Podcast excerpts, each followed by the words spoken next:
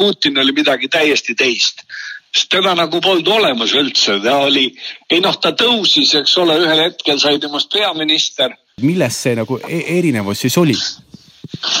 no tähendab äh,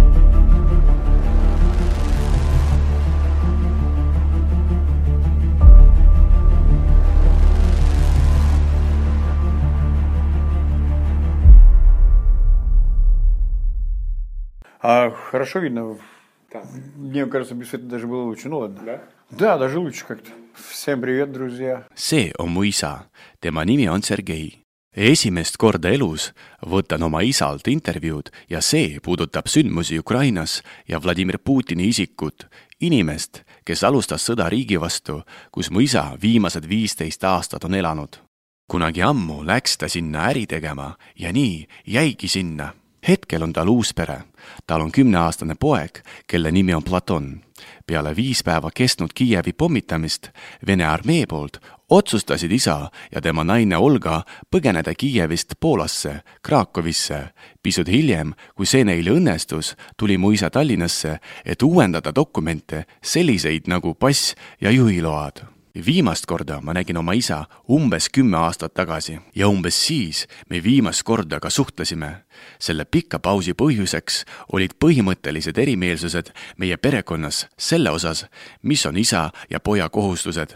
kui kurb see ei oleks, aga just sõjaline olukord tekitas õiged hetke meie suhete taastamiseks ma arvan, et iga poja jaoks, kes on kasvanud täielikus perekonnas, mis tähendab, et temal on nii ema kui isa, on isa figuur mingi vanuseni vaieldamatu autoriteet. kui isa arvab midagi, siis sa hakkad arvama täpselt sama asja just isa sõnad kaugelt tuhande üheksasaja üheksakümne üheksandal aastal panid ka mind uskuma, et Vladimir Putin on tubli mees ja seda rohkem soovisingi ma rääkida oma isaga, et uurida temalt, kuidas juhtus nii, et mees, keda ta kakskümmend kolm aastat tagasi väga kiitis, ründab linna, kus mu isa on elanud viimased viisteist aastat. ma palusin oma isa vastata küsimustele nii, kuidas ta mõtles siis. selleks, et olla kindel, et tal see õnnestub, alustasin oma intervjuud küsimusest Mihhail Gorbatšovist ja siis Boriss Jeltsinist. tead, ma suhtun temasse umbes samamoodi nagu su vanaisa. see tähendab negatiivselt, muidugi negatiivselt siin tuleks mainida, et mu vanaisa on terve elu olnud sõjaväeinimene, kes on kasvanud üles Nõukogude Liidus ja kes oli hävitaja piloot ning temale on just Nõukogude Liit andnud kõike. seepärast on minu vanaisa jaoks Mihhail Gorbatšov kuni tänaseni suurim vaenlane. no kujuta ette, oli Nõukogude Liit see oli väga võimas organisatsioon, mis järsku lagunes kahtlemata Gorbatšov oli see inimene, kes aitas seda teha, sellepärast et edasi hakkab isa rääkima teooriast, et Mihhail Gorbatšov oli ameeriklaste värvatud agent ja just tänu Gorbatšovile võitis läänemaailm külma sõja ma ise ei usu seda teooriat, sest arvan, et Nõukogude Liidu mudel ei olnud algusest peale täiuslik. edasi ma küsin oma isalt tema arvamust Jeltsini kohta siis ma ei arvanud Jeltsinist midagi, kuna Eesti oli juba vaba. Jeltsin käis väga kiiresti alla, ma kuulasin ta kaheksakümmend kaheksa, kaheksakümmend üheksa aasta kõnesid Need on internetis olemas. mida ta ütles, mis põhimõtteid ta kuulutas, millele ta kutsus teisi ja milleni tahtis jõuda. ja siis, kui jõudis võimule, hakkas ta alla käima kõiges samas ma teadsin ju ka inimesi, kes jõid, aga kes olid väga puhtad ja selged oma põhimõtetes, millesse nad uskusid.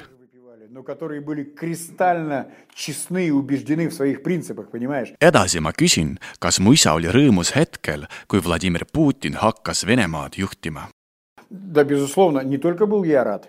mitte ainult mina polnud õnnelik, sest vaata, meie elasime Eestis, kuid samas me olime ju venelased ja me olime Nõukogude Liidust pärit me oleme slaavlased ja me oleme teistsugused kui inimesed läänemaailmas ja muidugi tol hetkel see oli nagu mingi katarsis, selline puhastus. tuli esile liider, kes koondas rahvast enda ümber.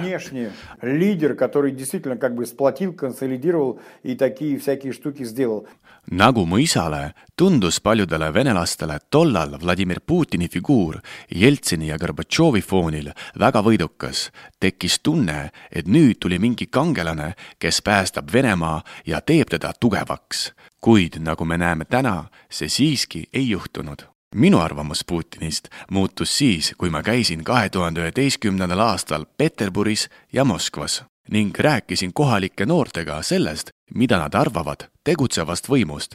sellel ajal isaga me enam ei suhelnud. Seepärast oli mul väga huvitav teada, millal mu isa sai aru, et Putin ei ole päris see mees, keda ta üritab mängida. Alguses ma olin väga õnnelik aga esimene asi, mis viis mu tähelepanu sellele, et see ei ole päris õige inimene, oli, kui uppus allveelaev Kursk ja eriti siis, kui ta ütles, et ta uppus ära. siis ma sain aru, et miski on valesti see president rääkis algusest peale, mida tahtis. alguses võtsime seda hea asjana, sest kohe peale Jeltsinit tuli mees, kes julgeb nimetada asju oma sõnadega.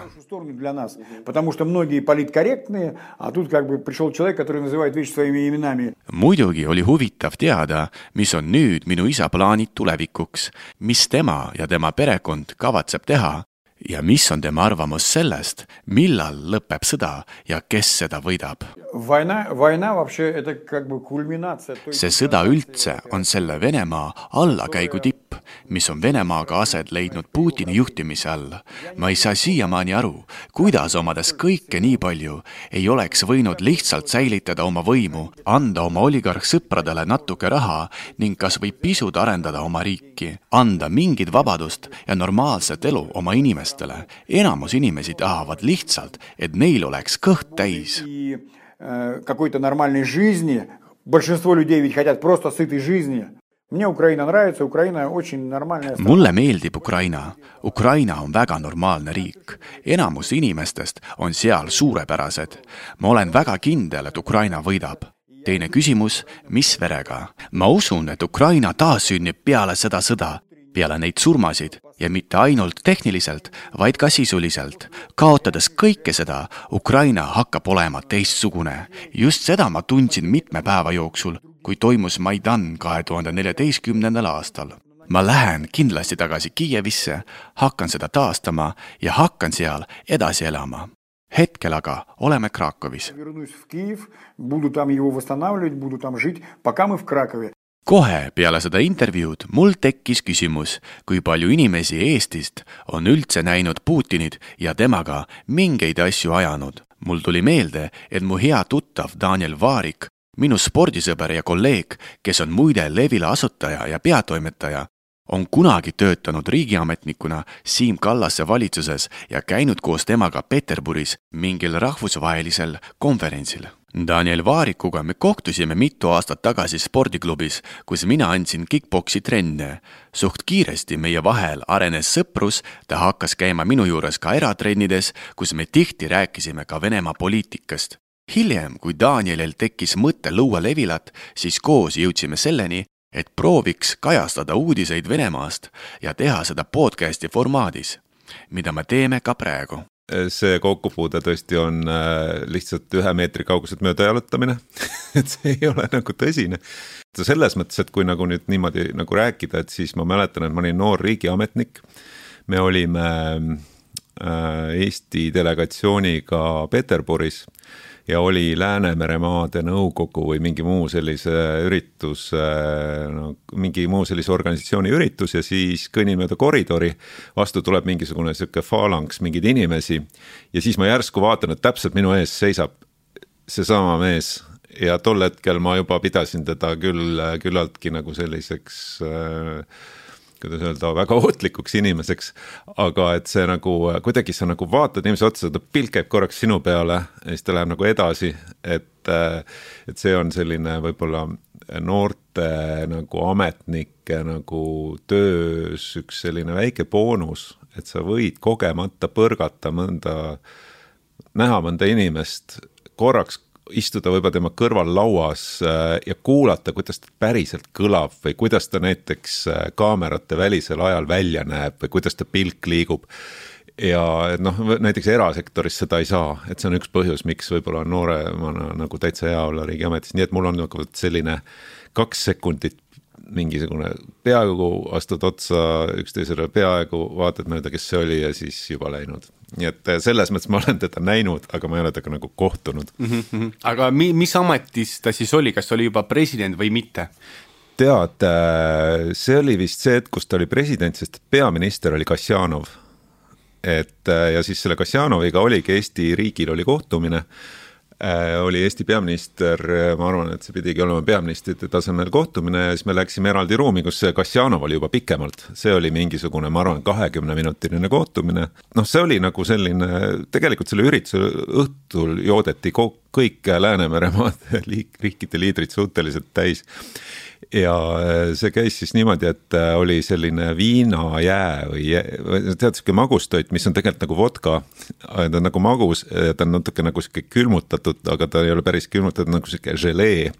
ja siis kõik jäid nagu üüratult täis seal lihtsalt õhtul ja siis äh, oli näha nagu seda, kuidas Putin ja Kassjanov suhtlesid ja seal oli näha tegelikult, et nad olid minu meelest väga vabalt suhtlesid. aga räägigi, mida siis sina juba see hetk arvasid Putinist, et näiteks enne oli Jeltsin on ju mm, -hmm. enne seda oli siis Gorbatšov, noh, see oli veel Nõukogude Liit. mis sa arvasid, kas ongi kaheksa aastat, siis läheb minema, siis tuleb keegi uus või?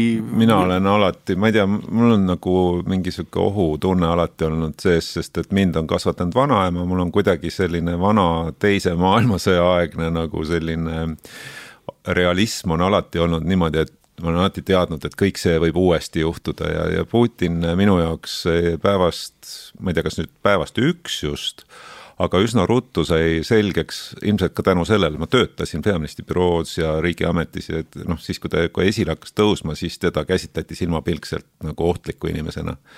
Äh, käsitleti inimesena, kes pöörab reformid tagasi ja siis ka esimesed need Tšetšeenia nii-öelda sammud kus äh, ka Vene mingisugune eliit hakkas üsna ruttu hoiatama Putini eest, äh, tulevad meelde, et, et seega minu meelest ta on alati olnud ohuatmosfääris ja siis Eesti on see riik, kes on üritanud muud lääne, noh nagu paljud teised, Läti, Leedu ka, Poola võib-olla on üritanud muud läänemaailma nagu hoiatada, et see ei ole normaalne tüüp, ta ei normaal-, normaliseeri midagi, meil on alati tema suhtes ohutunne olnud. et see ei ole mitte, et mina arvasin, vaid see on lihtsalt kogu süsteem ma mäletan seda, et sa nagu ootad nagu, et mingisuguseid nagu teste nagu, et vaatad, kuidas siis naaberriik nagu neid teste läbib, et kas seal läheb midagi nagu vabamaks, kas nad on sinu suhtes sõbralikumad. ja siis sa näed, et ei ole, ei lähe mitte ükski asi, kõik kruvid lihtsalt lähevad järjest rohkem kinni. see, et ta mitte kunagi pole võimust lahti lasknud, seda kahtlustati ju päris alguses et ta lihtsalt ongi selline tüüp ja järgmised valimised, järgmised valimised, näed kogu aeg äh, ta kindlustab oma võimupositsiooni järjest, järjest rohkem. ega noh, keegi ei oska öelda, kuidas, aga sa saad kogu aeg kinnitust sellele, et tegelikult tema plaan on noh, olla seesama diktaator kogu aeg olnud, et ta lihtsalt äh, võib-olla elu jooksul inimene loomulikult muutub, aga ma arvan, et ta on algusest peale täis, täiesti küüniline võimu nii-öelda konsolideerija olnud aga sa arvad, et kui ta kaks tuhat kaheksa läks nagu ära ja siis ütles, et ma oli, olen töötanud nagu ori seal äh, noh. jaa, see oli nali kõik. et sa arvad, et siis, siis, siis sa ei uskunud teda? ei, ei uskunud, ma ütlesin, ma tahan näha seda päriselt mm. -hmm. ja ma tahan näha, et ta päriselt läheb, ta ei läinud päriselt mitte kuhugi mm. -hmm. et Eestis ka Edgar Savisaar korraks ühes intervjuus kunagi ütles, et ta läheb poliitikast ära see oli väga ammu see oli üheksakümnendatel. loomulikult sa tead, et ta ei lähe, ta lihtsalt äh, võib-olla see on üks selline skript, et öeldagi inimestele, et vaata. Äh, ma olengi nii selline tüüp, et ma olengi valmis minema. aga siis selle skripti järgmine samm on, oi, aga nii paljud inimesed ikkagi väga soovivad, et ma jätkaksin ma ei ole kunagi osanud hinnata ohtu Ukrainale, aga olles endine riigiametnik, ma tean, et kogu Eesti riik tegi nagu palehigis tööd, et saada NATO-sse, sellepärast et me teadsime, et ajaloo peale vaadates on selge, et kas varem või hiljem meil võib tulla sõda Venemaaga. ja see on noh, lihtsalt varem ei ole kunagi NATO-t sellisel kujul olnud, võib ka teised rahvusvahelised liidud on olnud, eks ju, aga meie nagu moto oli see, et kui see juhtub, et me ei oleks kunagi enam üksi.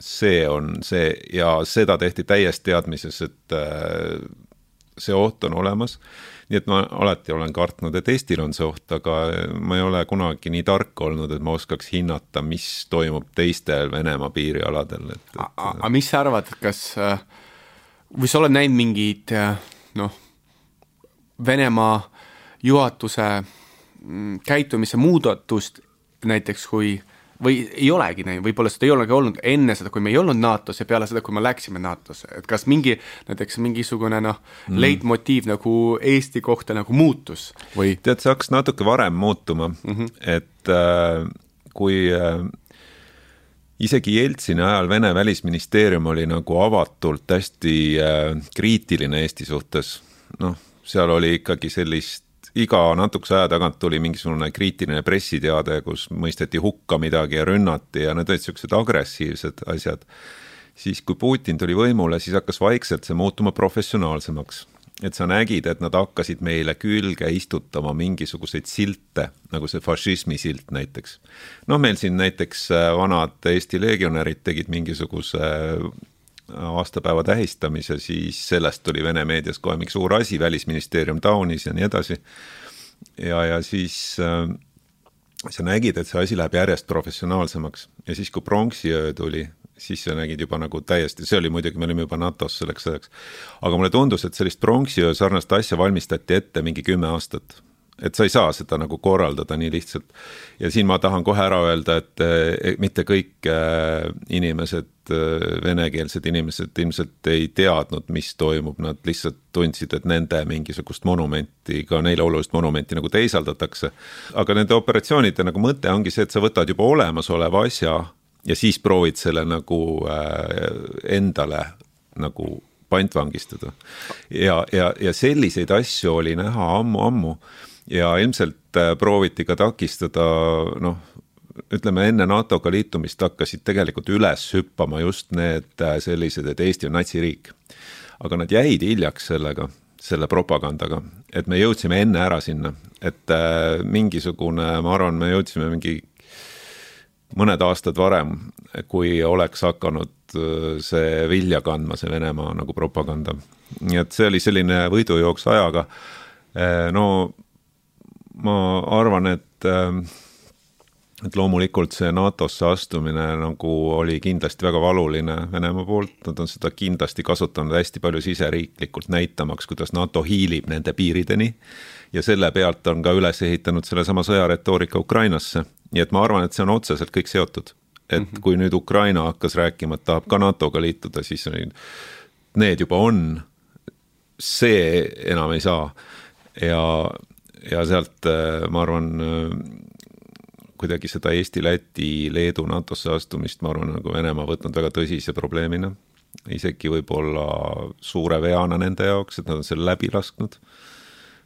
aga see ka seletab, et Venemaa üheksakümnendatel oli siiski väga ebaprofessionaalne alguses välispoliitikas ja hiljem just tänu sellele, et nad õppisid mitmenäoliseks muutuma, õppisid äh, rahavoogudega nagu läänes ostma endale toetust, hakkasid ehitama Nord Streami.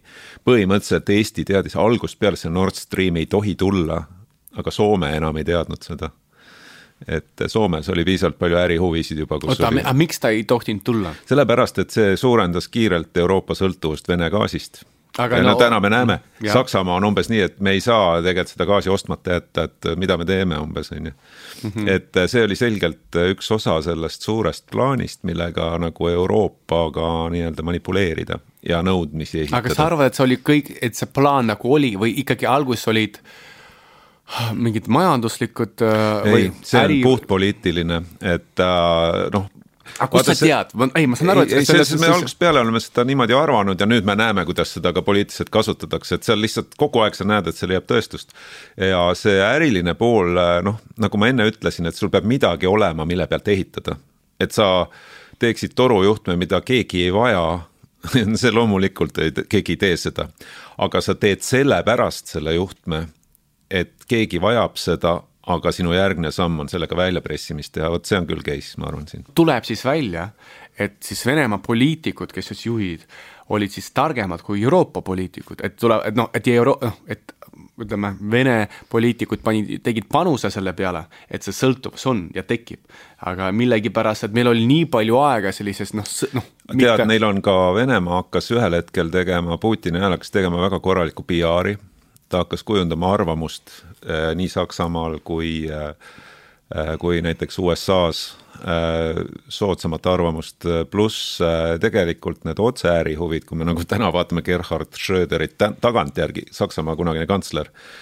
Äh, et tagantjärgi me näeme, et ta on nagu väga selgelt sõltuvuses nagu Vene ärihuvidest ja, ja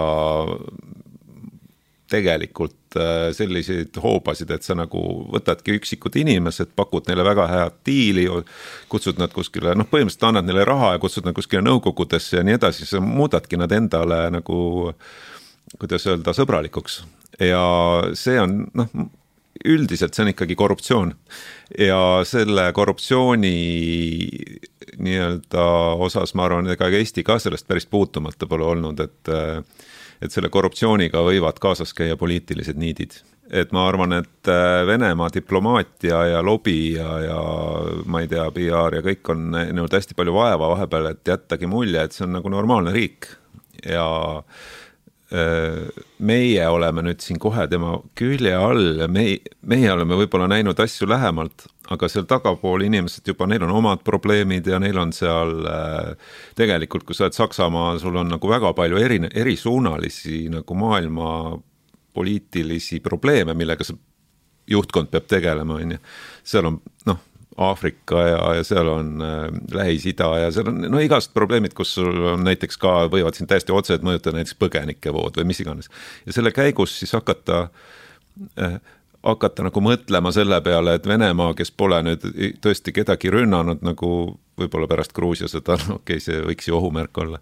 et, et võib-olla ta ei ole siiski oht ja siis see Venemaa veel paneb raha siia, riigi avaliku arvamusse kujundamisse ja, ja nii edasi ja nii edasi. et on lihtne uinuda. Ega meie ju siin Eestis ka ei mõtle praegu selle peale, et näiteks ma ei tea kuskil Euroopa Liidu lõunapiiril olev asi oleks nagu meie asi. mõtleme, et küllap nad seal tegelevad, küllap noh, kui suureks läheb, siis vaatame, on ju. et, et see, et mida kaugemal asi sinust on, seda vähem sa sellele mõtled, on ju väga inimlik. aga noh, kahjuks tähendabki, et kogu aeg peab keegi vaeva nägema, et äh, rääkida, et, et noh, meie asjad siin on olulised mm. -hmm. kas äh, Venemaa ründab Eestit ja Baltikumit? no ei, ma ei tea ausalt, selles mõttes äh, ma arvan, et meie asi on mõelda nii, nagu ta võiks seda teha kindlasti.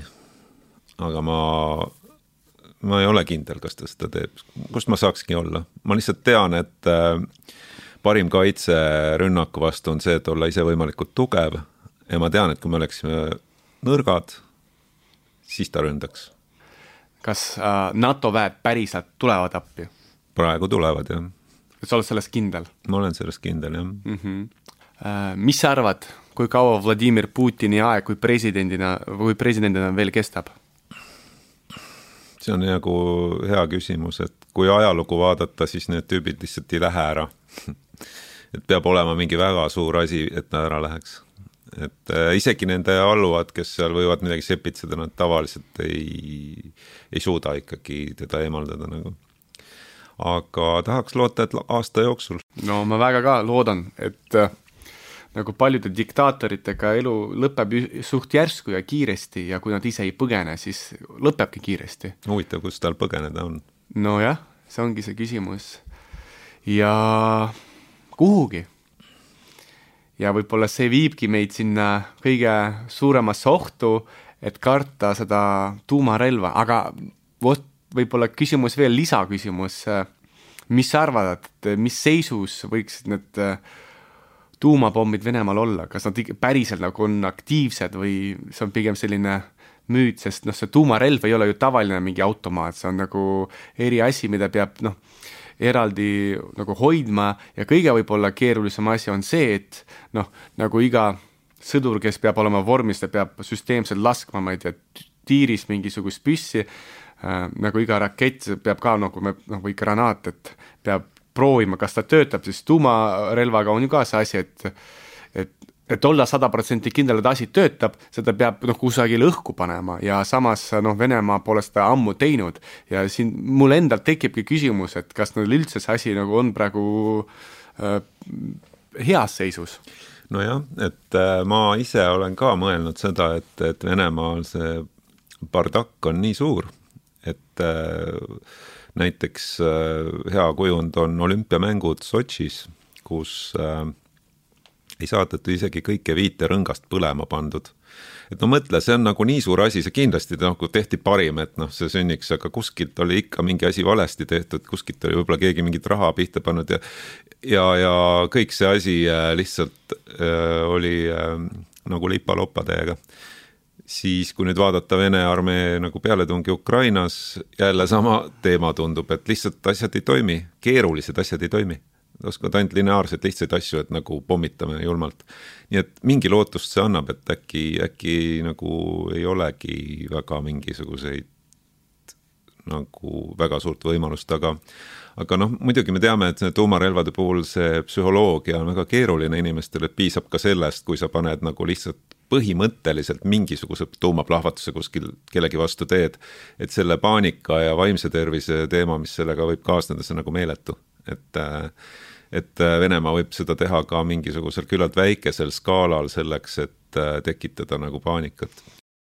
kuna Daniel tunneb Siim Kallast hästi, mõtlesime, et miks mitte rääkida Kallase endaga, kuna tema on kohtunud Putiniga mitu korda Daniel lubas mulle kiiremas korras võtta temaga ühendust. paar päeva hiljem saatis Daniel mulle tema numbri ja ütles, et Siim Kallas ootab mu kõnet. Ja hallo. tervist, Siim. Georgi helistab teile. on teil praegu mugav äh, vestlus? edasi ma seletan, kes ma olen, millega ma tegelen ja miks ma helistan just Siim Kallasele. esimene küsimus meie vestlusest oli järgmine. mis muljet avaldas Vladimir Putin, kui Siim Kallas teda esimest korda päris elus nägi? no jumal, õieti vist õige vastus on vist, et ei mingit muljet mm. -hmm sest teda nagu polnud olemas üldse, ta oli, ei noh, ta tõusis, eks ole, ühel hetkel sai temast peaminister. aga noh, põhimõtteliselt noh, ma võin teile taustaks nii palju öelda, et, et noh, mina puutusin selle Jeltsini seltskonnaga noh, kokku siis, kui oli see liidu rahvasaadikute kongress ja, ja siis ütleme, paljud need inimesed, kes olid Jeltsini, ma olen noh, Jeltsinit ennast ka näinud korduvalt ja olnud temaga nagu ühtedel koosolekutel ja asjadel. aga siis, et, et see, see oli see punt ja, ja see, see oli nagu noh, ikka, ikka väga see oli väga, kuidas öelda, see oli eh, nagu suur komplekt of isiksusi oh, suur komplekt isiksusi, et ähm, see oli nii, noh, sellepärast ma seletan, et Putin oli midagi täiesti teist. et Putin ei, ei oleks klappinud selle kambaga üldse, kuigi ta oli Sobtšaki abi, noh, ta oli nagu Sobtšaki abi aga ta ei olnud Sobtšak, eks ole, ta ei olnud üldse seda, sedamoodi, ega nii et noh, ütleme, mina puutusin selle seltskonnaga, selle Jeltsini seltskonnaga nagu kokku ja seal selle koha pealt noh, see on diametraalselt erinev, et seda seda ma sain küll tookord aru, ega ma nüüd liiga täpselt ei mäleta, sest ma mäletan vaid seda, et, et, et ta tuli nagu kuskilt täiesti tundmatusest ja, ja noh, ei, ei oska ma rohkem midagi öelda, et siis ta hakkas seal Tšetšeenias, eks ole, kõvasti lammutama ja, ja noh, meie sümpaatia oli siin ikkagi nagu selle Dudajevi poolel, et, et et eks me vaatasime ka, aga eks see oli kõik nagu vastuoluline, ei saa ka päris öelda, et see sümpaatia oleks noh, ütleme, aga ikkagi, ikkagi me nagu natukene olime, ei olnud ütleme, me Venemaa suhtes olime, ütleme siis nii, et olime Venemaa suhtes selle Tšetšeenia sõja ajal ikka kriitilised, noh, ütleme nagu Politkovskaja oli meie inimene või niisugune, et keda siis me vaatasime, et me mingit vaimustust nendest kindralitest ei tundnud. Kulikov ja kes seal olid niisugustel juhtivatel kohtadel, Trošev ja, ja teised, et need, need olid ikka nagu võõrad, aga jah, noh. ja siis, siis noh, Putin ilmus välja ja siis kui tuli Vladimir Putin ja siis oli siis Jeltsini äh, noh, inimesed, äh, tema ütleme meeskond, et te ütlesite, et nad on täiesti nagu erinevad. aga võikski küsida, et milles see nagu e-, erinevus siis oli?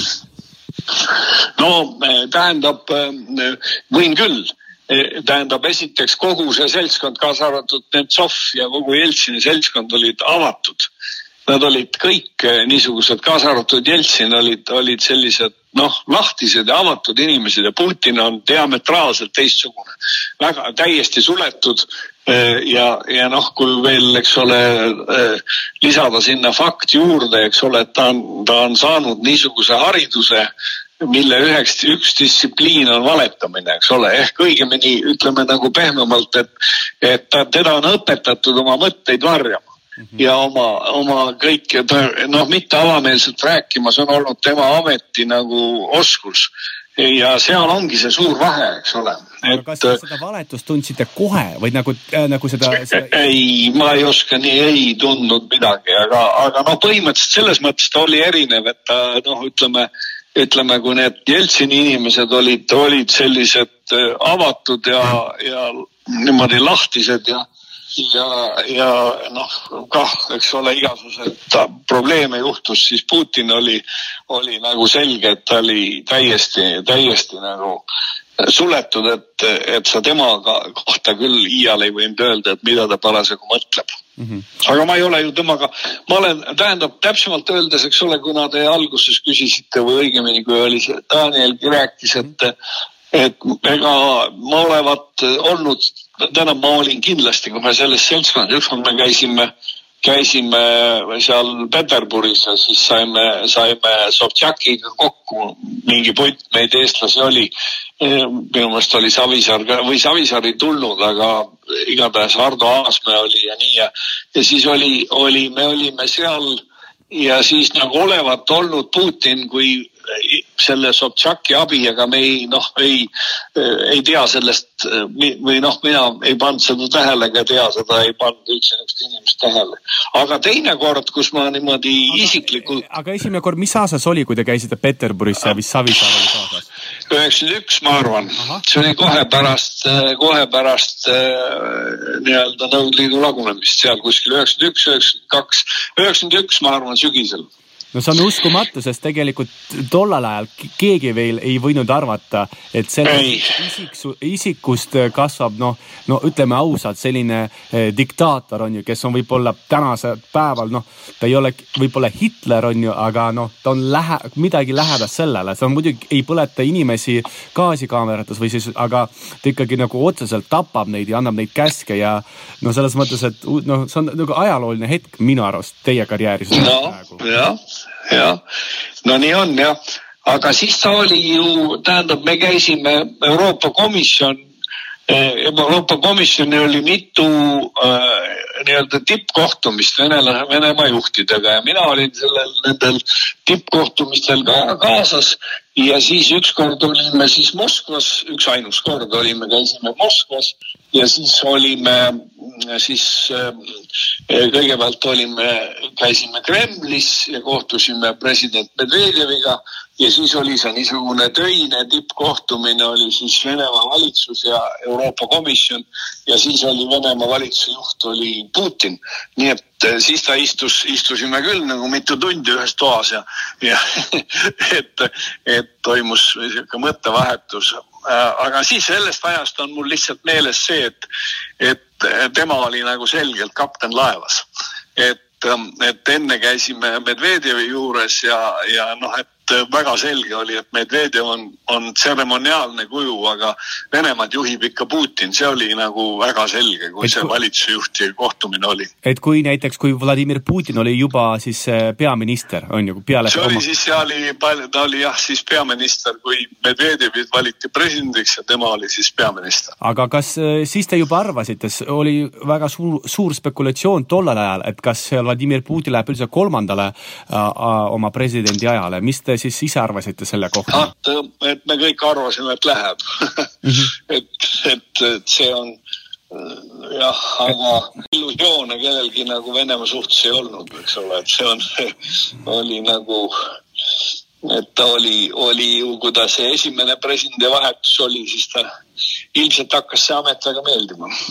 vaadates tagasi üldse ajaloole, noh, meie uuemale Eestimaa ajaloole, mina kui vene inimene mäletan väga, väga hästi, et Eestimaa nagu väga kartis alati eh, Venemaad, no selles mõttes, et nad noh, nad ütlesid, et meil on naaber ja me peame valmis olema, noh, et meie kaitsevägi oleks valmis ja nii edasi. Ja mina alati mõtlesin, et issand jumal, et, et noh, et Venemaal on küll oma asju seal, mida teha, et miks me peame nii palju muretsema sellest Venemaast, et küll nad ei ründa, aga tuleb välja, et palju-palju aastaid hiljem, no ma ei tea, kakskümmend aastat hiljem või isegi rohkem, tuleb välja, et need inimesed, kes nagu kartsid seda või siis muretsesid selle peale, äh, tuleb välja, et nendel oli õigus, aga vot kas teie üheksakümnendatel aastatel ikka nagu mäletate, et noh, et, et see oht äh, või võiks tulla?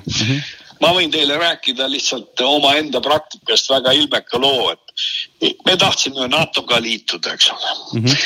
ja siis äh, mina olin välisminister ja hiljem ka peaminister, eks ole, aga ma just mäletan selle välisministri ajal, üheksakümne kuues aasta, ütleme, oli see siis äh, ma pidin kogu aeg seletama, et miks me tahame NATO-ga liituda ja siis kogu aeg need äh, öeldi, et kuulge, aga noh, et Venemaa on ju demokraatliku arengu teel ju, et milleks, et milleks teil on vaja seda NATO-t üldse, eks ole, milleks NATO-ga liituda. ja mina siis kogu aeg keerutasin ja ütlesin, aga me ei tea, mis tulevik toob, et Venemaa on, Venemaa ajalugu on keeruline ja, ja ega see demokraatlik areng pole nii kindel ja see oli meie ametlik seisukoht, nii et noh, põhimõtteliselt me pidime kõik, kes, kes seda NATO asja ajasid, pidime vastama küsimusele, et et Venemaa on ju nii tore riik, et miks te sinna NATO-sse kipute, nii et äh, sellisel juhul need, kes olid seda, seda NATO asja ajasid, need, nendel oli väga selge, et mina kaasa arvatud, et, ähm, et see ei ole sugugi kindel, et me ei, ei satu äh, sellisesse olukorda, nagu me tegelikult oleme lõpuks sattunud Mm -hmm. ja noh, mis ma veel võin öelda, eks ole, on see, et kui Putini tuli võimule, eks ole, siis algas nagu Eesti majanduslik pigistamine. et meil oli, tõsi, noh, see oli, ütleme, meil oli nagu, oli see äh, transiidi äh, väga suur transiit oli õli veeti läbi, läbi Tallinna sadama ja ja siis ehitati veel Sillamäe sadam, eks ole, kõik oli mõeldud selleks, et Venemaa transiit äh,, transiit ja see oli, tõi palju raha ja, ja aga siis oli, noh, see oli nagu Putini ja tema, tema kaaskonna otsus, et, et äh, Baltikumist ei tohi enam mingit transiiti läbi minna, siis ehitati Luga sadam nii et sealt pigistati, hakati pigistama, see oli nagu üks väga strateegiline otsus. Ja noh, ma võin teile öelda ka seda, et noh, et me tahtsime ehitada, kui mina olin juba Euroopa Komisjonis, komisjoni asepresident ja siis äh,, siis ma, me rääkisime seal äh, Venemaa äh, transpordiminister oli suursaadik ja ka asepeaminister Ivanov, Sergei mm -hmm, Borissovitš mm. -hmm siin peaks mainima, et Sergei Ivanov on endine KGB agent, kes töötas samas osakonnas, kus Vladimir Putin. hiljem, kui Putin sai FSB endise KGB juhiks, Sergei Ivanov oli ta asetäitja. ja siis äh, rääkisime, et ikka võiks ehitada silla üle Narva jõe uue silla mm. -hmm. ja siis ma ütlesin, et noh, et Euroopa Liit raha leiab selleks, et see ei ole, ei ole küsimus, et see summa ei ole üldse Euroopa mõistes ei ole see nii suur, et seda silda ei võiks ehitada, et küll me selle kuidagiviisi kombineerime ja siis Ivanov ütles, et te võite ju silla ehitada, aga me sinna teed juurde ei ehita. nii et noh, põhimõtteliselt oli oli, oli eh, siis väga selge, et mitte mingisugust, eh, mingisugust sellist noh, ühesõnaga mingid majandussuhted või midagi. et noh, see olid, ütleme, ütleme seda võib öelda, et ütle, kes sa, kes on su sõbrad ja ma ütlen, kes sa oled ise, eks ole. et paar kuud ikka võib veel minna see sõda ja siis on, on noh, ma olen seda kirjutanud ka, et, et eks ikka mingi vaherahu tuleb ja nüüd vaherahuga on niisugune lugu, et eks ole, et see vaherahu võib jääda väga pikaks ajaks. Et, et vaherahu, vot mis, milline see vaherahu tuleb, ütleme seda oletada, et, et noh, siis peab nagu Putin võimult kukkuma, kui, kui tõmmatakse väed täielikult Ukrainast välja kõigist nendest, nendest vallutatud aladest, siis peab Putin, siis peab Putin lahkuma ametist, aga noh, kas seda on nagu, ei, seda väga hästi ei usu, neid mehhanisme on ju uuritud, aga kuigi teistpidi on nii, et ega diktaatorid kukuvad väga äkki ja keegi ei oota seda, et nad kukuvad, eks ole, ootamatult. aga noh, praegu küll ma arvan, seda märki ei ole ja siis tuleb nagu vaherahu, millega siis ütleme, paljud asjad jäävad lahendamata pinged jäävad üles, noh, ma ei tea, kus kohta see vaherahu siis lõpuks paika pannakse. Aga no mulle tundub, et praegu selles suunas läheb. viimane küsimus veel, kas te, mis te arvate, kas äh, Vladimir Putin teoreetiliselt äh, äh, saaks noh, anda käsku, et tuumarelva kasutamisele oh.? no ta noh, vot jah, erinevad arvamused on, et on, on ju endine välisminister Kozorov andis ühe intervjuu, kus ütles, et mitte mingil juhul, et ta seda ratsionaalselt ei tee, aga ma arvan, et ta on kergelt hullunud, nii et ähm, ma arvan küll, et ta võib vajutada nuppu mm. -hmm ja mis te arvate, et võib, jah, vabandust. võib vajutada muidugi, nuppe on erinevaid, eks ole, et noh, ballistilist äh, seda nagu ülemaailmse tuumasõja nuppu ta võib-olla ei ei, ei vajuta, aga, aga taktikalise tuumarelva nuppu, et kusagile Ukrainasse poetada mingi pomm, noh, ma ei tea. Aga see on muidugi, mis siis järgneb, seda on väga raske ennustada. ma alati mõtlen selle peale, et kui sa ei kasuta tihedalt tuumarelva, siis alati on ju see küsimus, et noh, mis seisus ta on, sest näiteks isegi tavaline klassikaline, ma ei tea, püss või automaat, kui sa nagu noh, tahad sellega lasta, sa pead olema kindel, et noh, et sa nagu heas, heas vormis laskma sellega no regulaarselt, ma ei tea, ja tuumarelvadega on ju teine asi, et võib-olla noh, või võib-olla see seisund ei olegi suurepärane, no see on muidugi spekulatsioon, aga lihtsalt ma mõtlen niimoodi, et mis. jaa mm -hmm., nojah tuumarelva peab ju vahetama kogu aeg. Need vananevad mingil moel, noh, kogu aeg see protsess ju seal käib ja siis ma ei tea, igatahes neid tuumarelvasid kogu aeg uuendatakse ja, ja mis seisus on Venemaa tuumarelv, seda me tõesti ei tea. peale selle on see tuumarelva põhiprobleem on ikka see kohaletoimetamine, eks ole, et noh ma arvan, et need ballistilised raketid, mis Venemaal on, on nagu väga tähelepaneliku jälgimise all, et kõik need satelliidid jälgivad, aga noh, ühest raketist piisab, kahjuks on see see, et kui teil suurtükke on, ühest suurtükist ei sõltu midagi, aga ühest raketist piisab küll.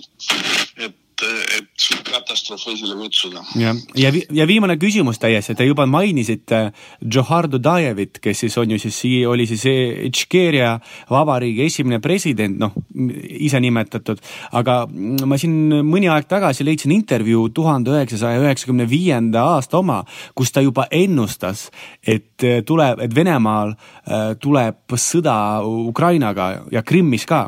ja siis ta ütles, et noh, ütleski seda asja, et, et niikaua, kuni see russism eksisteerib, vot see sõna mulle väga meeldis, see russism, see noh, mis -hmm. nagu noh, tähendabki noh, et see on nagu imperialism või siis nagu, et meie rass on ju, on nagu kõige nagu see Venemaa, venelased on kõige tugevamad, et kui me tahame seda kõigile tõestada ja näidata, et niikaua need lahingud võivad tõesti olla, kusjuures noh, vaadates tagasi üheksakümne viiendale aastale oli ju Venemaa noh, suht nõrk riik ja kust ta seda nagu võttis, see oli küll nagu huvitav, et ta nii kaugele nägi. Mm -hmm. see on tõesti huvitav, no vot, inimesel oli vaist. jah, ja see oli veel ja Džohar Dudajev oli ju huvitaval kombel seotud Eestiga ja Tartuga ka. ja, ja nojah, sellepärast meil tema suhtes sümpaatia oligi, eks ole, et ta oli ju jah, juhatas ja ta oli väga kriitilisel hetkel Tartus. Äh, garnisoni komandant või garnisoni ülem, ta oli selle lennuväe väeosa äh, komandör, aga ta oli ühtlasi Tartu garnisoni ülem ja siis tema ju ei lasknud oma väge sõjaväelasi kasutada mingites rahutustes eestlaste vastu, nii et ta oli, selle me mäletame ka. Nojah, ja ma ise nagu noh, võib-olla jutu lõpuks tahakski uskuda, et noh, et äh, noh, et me praegu elame sellises ajastus, kui see Nõukogude Liidu see tagajärjed, no ma mõtlen see kasvatus, see mentaliteet, see mentaalsus, et ma loodan, et ta jääb nagu juba tahaplaanile minevikku ja siis nagu ma oma podcast'is teengi järelduse, et võib-olla Venemaa kodanikud peavadki saama sellist äh, kibedat õppetundi nagu kunagi Natsi-Saksamaa, et kui sa üritad noh, jälle taastada impeeriumit ajastul või ajal, kui impeeriumite aeg on läbi, et sellest ei tule mitte midagi head välja. jah, see on väga-väga oluline oluline jah, ja Siim, suured tänud teile siis äh,. ma loodan, te teate, ma ei esitanud teile mingeid ebamugavaid küsimusi. ei, ei ole, ega siis ja. küsimusi üldiselt on no,, küsimusi võib igasuguseid alati esitada. see oli saade Täna Venemaal. Saadet tegi Georgi Abolõmov. kuuleme juba varsti. Levila kaks tuhat kakskümmend kaks